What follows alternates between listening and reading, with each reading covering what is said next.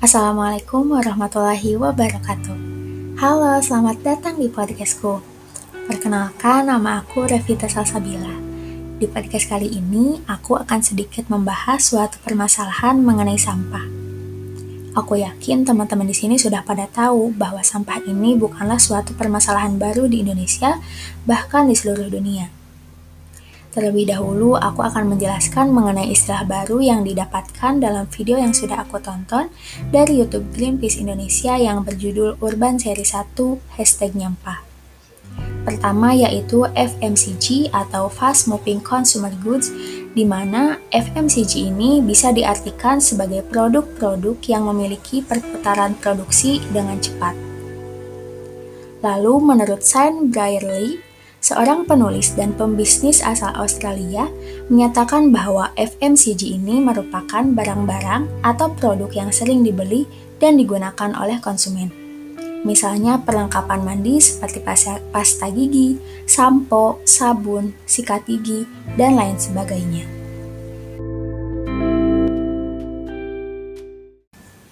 Istilah lain yang aku dapatkan yaitu fast fashion dan sustainable fashion. Menurut Adam Heiss, dalam artikel Investopedia menyebutkan bahwa fast fashion itu suatu istilah yang digunakan untuk menggambarkan desain pakaian yang berpindah cepat dari lantai panggung mode ke toko, sehingga konsumen dapat segera membeli pakaian yang sedang tren dengan harga murah. Jadi kalau dipikir-pikir saat ini kegiatan membeli baju itu bukan untuk memenuhi kebutuhan primer, tetapi malah dijadikan sebagai suatu bentuk hiburan semata. Lalu mengenai sustainable fashion. Menurut Amanda Zahra dalam artikel Zero Waste Indonesia menyebutkan bahwa sustainable fashion atau fashion berkelanjutan adalah praktik dalam fashion yang mengedepankan nilai-nilai dari berbagai pihak yang terlibat di dalamnya, khususnya lingkungan dan kemanusiaan. Lalu mengapa hal itu harus dilakukan? Alasannya karena pakaian itu ternyata salah satu penyumbang polusi terbesar pada lingkungan di mana 10% emisi karbon dioksida global dihasilkan oleh industri fashion. Namun, pada praktiknya tidak ada fashion yang 100% berkelanjutan. Alasan sederhananya karena memiliki pakaian artinya harus mencuci juga. Sebagian besar pakaian yang beredar di pasaran berbahan dasar plastik, di mana mencuci pakaian dapat melepas serat mikro atau microfibers. Artinya, serat mikroplastik tersebut mengalir di air hingga berakhir ke sungai dan lautan. Tentunya hal ini membahayakan ekosistem yang berada di dalamnya. Namun, walaupun tidak bisa 100%, sustainable fashion ini harus tetap dilakukan. Setidaknya bisa sedikit mengurangi polusi pada lingkungan akibat fashion ini. Selain itu, hal baru yang aku dapatkan dalam video tersebut yaitu mengenai regulasi sampah di Indonesia, yang dinaungi oleh suatu lembaga bernama ISEL, atau Indonesian Center Environmental Law. Ternyata sudah sejak lama Indonesia mempunyai peraturan yang khusus membahas mengenai sampah, yaitu Undang-Undang Nomor 18 Tahun 2008 tentang pengelolaan sampah, di mana alasan dibuatnya undang-undang tersebut karena adanya TPA yang kelebihan kapasitas hingga timbul korban nyawa di daerah Cimahi. Setiap tahunnya, sampah di Indonesia bisa dikatakan sangat banyak. Menurut data Kementerian Lingkungan Hidup dan Kehutanan, pada Februari 2019 merilis bahwa Indonesia menghasilkan sedikitnya 64 juta ton timbunan sampah setiap tahunnya. Sampah-sampah tersebut berkontribusi menambah makin menggunungnya di tempat pembuangan akhir atau TPA. Kondisi itu mengingatkan saya terhadap film Wall-E, di mana dalam film itu juga diceritakan bahwa kondisi sampah yang ada di bumi ini sudah sangat menggunung dan kebanyakan sampah itu sulit diuraikan. Maka dari itu, kondisi film ini sangat berkaitan dengan kondisi lingkungan yang ada di Indonesia di mana sampah-sampah masih banyak berserakan dan tak jarang menimbulkan berbagai macam permasalahan seperti bencana banjir dan longsor.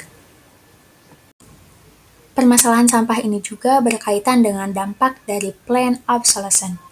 Menurut Bulow, pada tahun 1986, dalam Sandikala Proceeding Seminar Nasional Seni Kriya dan Desain Volume 1 yang ditulis oleh I. Putu Udiana Wasista menyebutkan bahwa keusangan terencana atau plan obsolescence dimaksudkan untuk tujuan pemasaran, di mana produk yang dihasilkan akan rusak dalam waktu tertentu keusangan terencana banyak dipengaruhi oleh monopoli pasar dengan pembentukan sistem tren.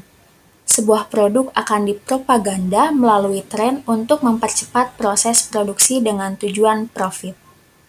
Sebuah produk yang secara tren telah usang akan tergantikan dengan produk baru yang mengikuti tren. Dampaknya adalah produk-produk usang yang dibuang begitu saja oleh pemiliknya demi mengejar tren banyak menumpuk dan menjadi sampah yang mengotori alam. Tentunya cara ini akan menguntungkan bagi produsen, namun tidak bagi alam. Maka dari itu, untuk mengatasi permasalahan tersebut, kita bisa mengatasinya dengan diawali oleh diri kita sendiri.